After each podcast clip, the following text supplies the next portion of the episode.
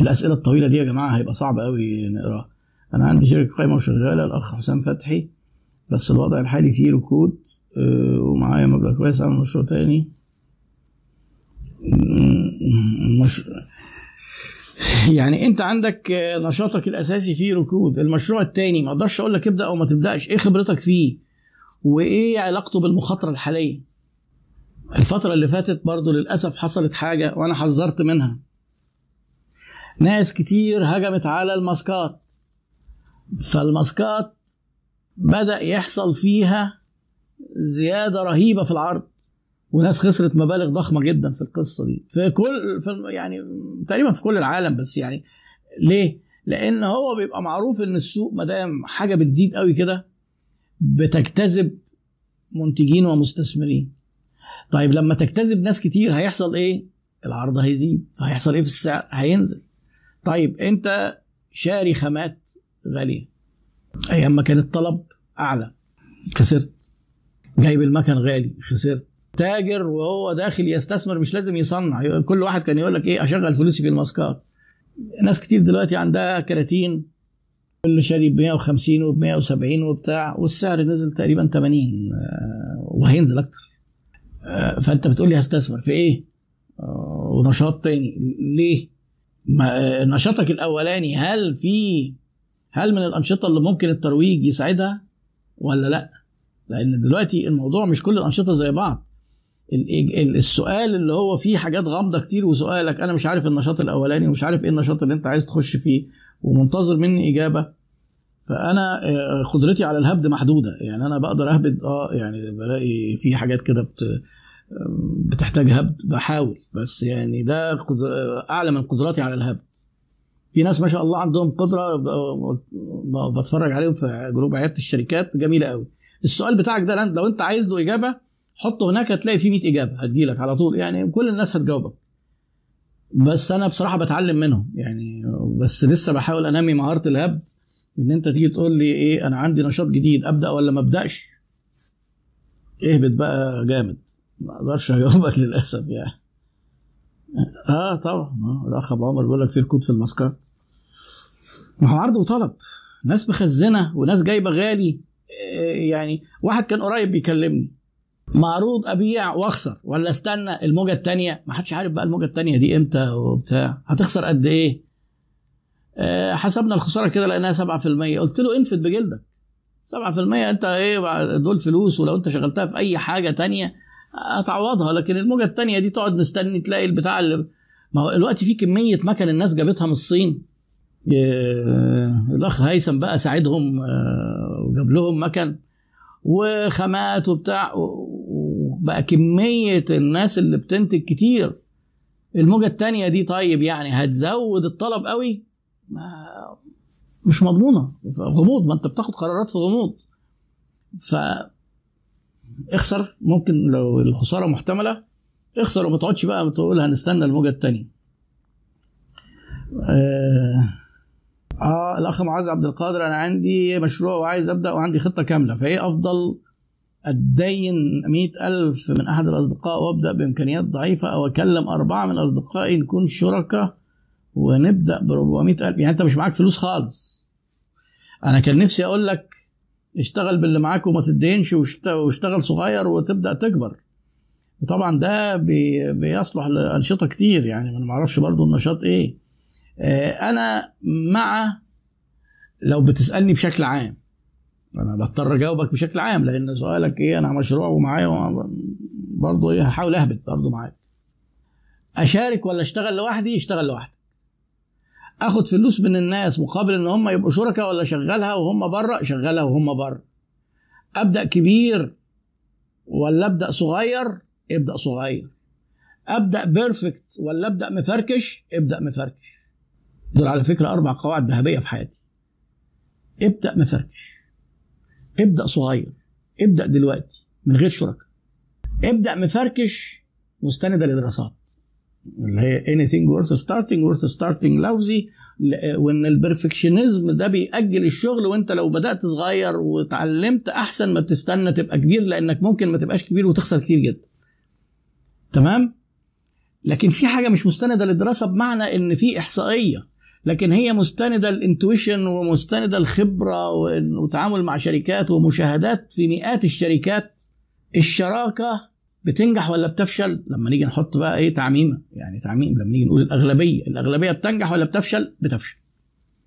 اختيار الشريك قرار أصعب من جواز ف وأنا قلت الكلام ده قبل كده. لو عرفت تشتغل من غير شركاء أنا بس بقى عايز افرق لك ما بين وجهة نظري وبين ما هو مستقر علميا. مستقر علميا بالإحصائيات كل الشركات الضخمة بدأت صغيرة. ما فيش حاجة اسمها ابدا كبير احصائيا. ما فيش حاجة اسمها انك انت لازم تبقى بيرفكت وما فيش في عندك غلطة عشان تبدأ. غلط. بس ما فيش قاعدة في أي كتاب بيقول لك ابدأ من غير شركاء ما فيش فدي أنا اللي مسؤول عنها شخصيا. ما دام أنت في مصر يبقى حاول تبعد عن القصة دي. كيف يعني مفركش يا دكتور؟ صح لكن مفركش دي كلمة مصرية من الكلمات المتروكة حتى في اللغة في اللهجة العامية. لو حد مش مصري مش شايف آه مفركش يعني إيه يا جماعة بالعربي؟ ساعدوني مفركش دي اللي هي إيه؟ يعني فوضوي. يعني يبقى عندك حاجات متلخبطة لسه إيه محتاجة تتعمل بس تشتغل. لو المقر الشركة مثلا بتاعك لسه الكهربائي مقفلش معرفش إيه اشتغل. ورص مكاتب ويجي الكهربائي بعد كده. لو في حاجة بدأت موجودة عندك ينفع تتباع آه بس آه وينفع عملاء تيجي بس هيجوا يلاقوا صناعية شغالين اعمل إعلان وخليهم يجوا الصناعيه شغالين. يعني مفركش كده فوضوي كده العملية محدش هيقول لك يا وياي وبتاع. يعني فيها تطرف شوية آه بس بتوفر وقت كتير جدا. أنت ممكن في الوقت اللي أنت بتظبط فيه ده تكون جبت فلوس. يعني أنا عايزك بسرعة تشتغل ما تستناش لأن دايما التسويف إحنا عقلنا بيخاف يفشل يعني عقلنا اللاواعي بيخاف من الفشل. فبيقوم مخترع لك حاجة اسمها إيه؟ الكمال perfectionism والكمال والتسويف بيجوا في نفس الكيس يعني بيبقى في كيس كده بلاستيك بتفتحه بتلاقي فيه كمال وتسويف مع بعض. يعني إيه؟ عمرك ما هتوصل لمرحلة الكمال فعمرك ما هتنفذ حاجة. وقاعد بقى بتصرف واخد مكان وبتاع ومعين ناس و... خسارة. فلا. خلاص كده عرفتوا مبعزق واحد بيقول لك مبعزق يعني أيوه مش منظم. طبعا شاكرين قوي شفت بقى الشباب عندنا بيساعدوا إزاي؟ أصلها مش موجودة دي في في قاموس اللهجة العامية دلوقتي خلاص اتشالت. لا. بص بقى هو حد بيسال لو عندي سيولة أكون perfect وأبدأ كبير اعمل أب في وجهة نظرك أبدأ صغير؟ أيوه. ليه بقى؟ في سبب تاني المخاطرة. سيولة ومبلغ جامد وبدأت كبير وبعدين خسرت وفشلت وقفلت يبقى خسارتك كبيرة. طيب إيه المانع إنك تبدأ صغير؟ حتى تقدر تبدأ كبير. لا ابدأ صغير. و scale up كبر بعد كده. ابدأ ب test زي ما شرحنا كده وإلا الحاج طه هيجي يشيل الهيصة دي كلها.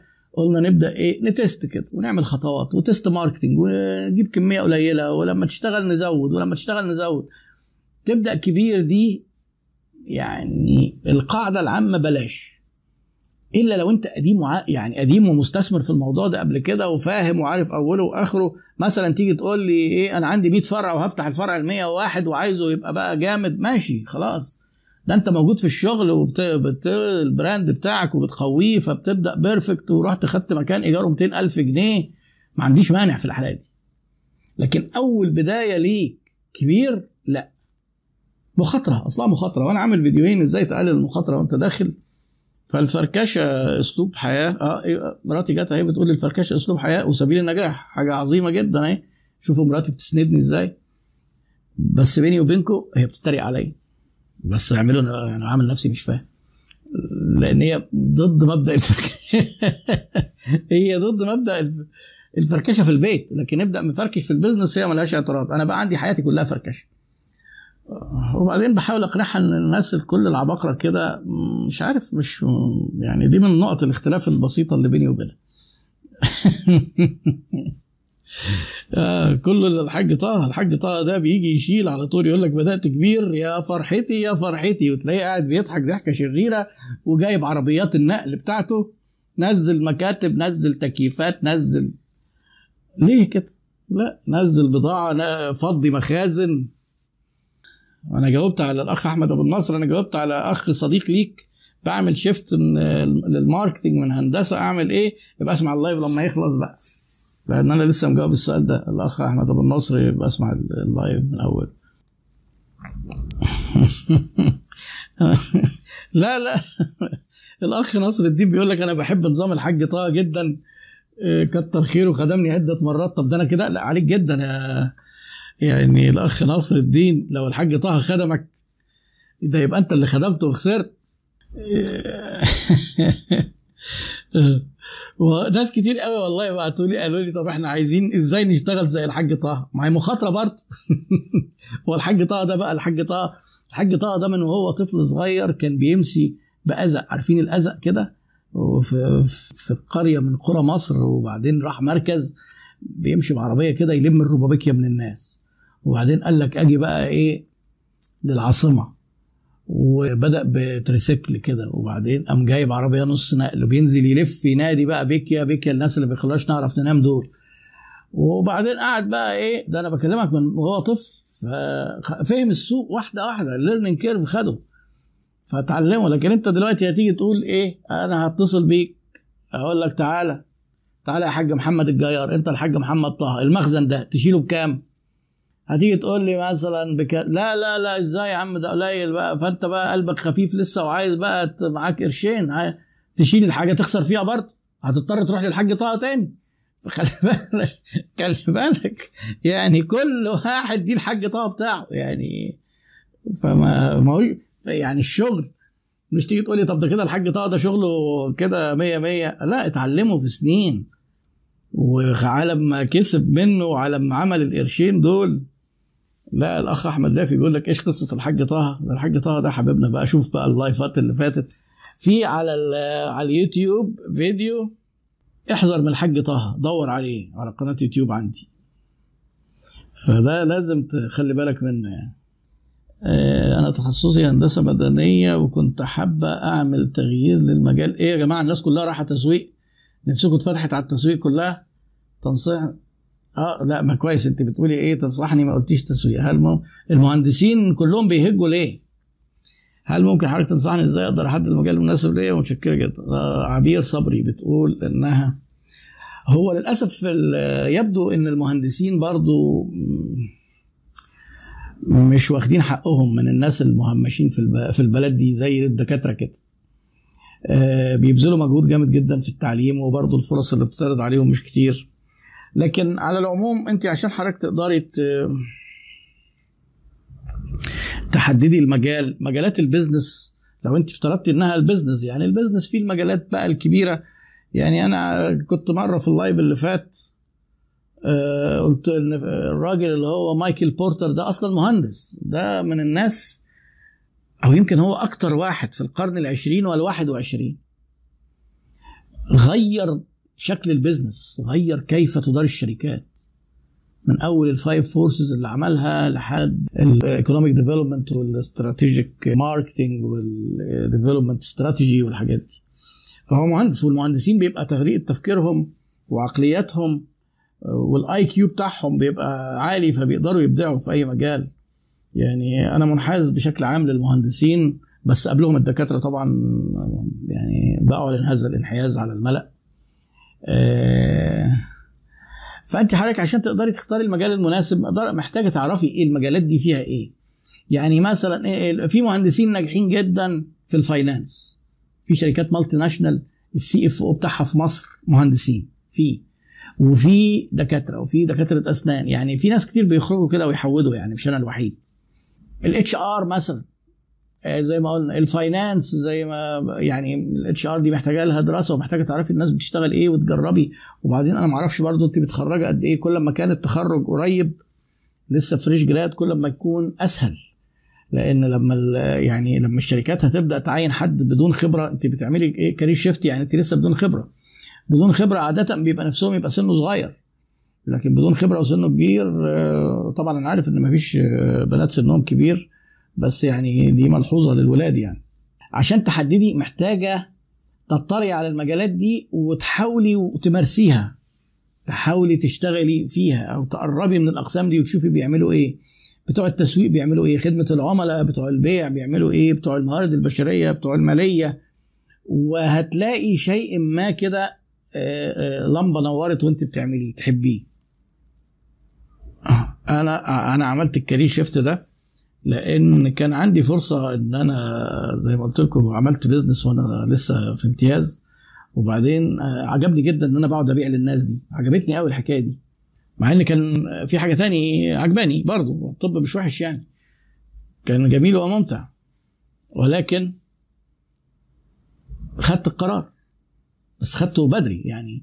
ومش بدري قوي لأن برضو في ناس بيبعتوا لي بيقول لي انت عامل فيديو للطلبة في الكلية. طب ده إحنا اتخرجنا وما عملناش الكلام ده. طب ما أنا اتخرجت وما عملتش الكلام ده. أنا لما اتخرجت وخلصت امتياز وقعدت ثلاث سنين نيابة وكنت شغال في خلال الثلاث قعدت خمس سنين بعد التخرج لحد سنة 91 آه، شغال بروحين. وبعدين قلت لا خلاص خليني في روح واحد. ف... وبقى خمس سنين بعد التخرج. وبعدين بدأت لما خدت القرار ده بقى لأن أنا كنت وقتها إيه هذاكر هنا ولا هذاكر هنا؟ ما هو ده محتاج مذاكرة وده محتاج. بدأت أذاكر بعدها يعني بعد ما اتخرجت بخمس سنين والطب طويل أصلا. فأنا بدأت وأنا سني تقريبا 30 عشان أكتسب مهارات البيزنس دي.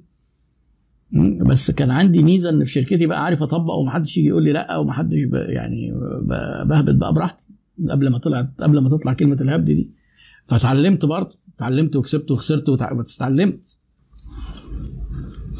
لا يعني ما هي مش مقياس للذكاء. محمد أسعد يقول لك الكليه مش مقياس للذكاء. لا هي مش مقياس للذكاء. بس اللي بيبقى متفوق في الرياضيات في في في ثانوي وبالتالي عقليته mathematical ال business محتاج أرقام. فبيبقى متميز في البيزنس يعني لأن الذكاء ده كمان في شغل في موضوع الذكاءات ده.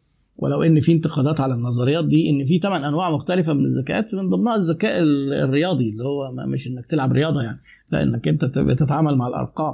هما بيكونوا أقوياء. وأنا كمان ما بحبش أطلع قواعد من خبراتي الشخصية لكن الحقيقة أنا كان زمايلي في الدراسة المهندسين والمهندسين اللي بيحضروا معايا الكورسات يعني أحيانا بيبهروني يعني إيه عقليتهم حاضرة ومنظمة و... أنا للأسف أنا شايف أسئلة كتير ولكن إن شاء الله للحديث بقية في لقاءات جاية. أشكركم دايما لل- للمتابعة والتفاعل وأتمنى يكون وقتكم بتقضوه في شيء يستحق. وأراكم دايما على خير والسلام عليكم ورحمة الله وبركاته.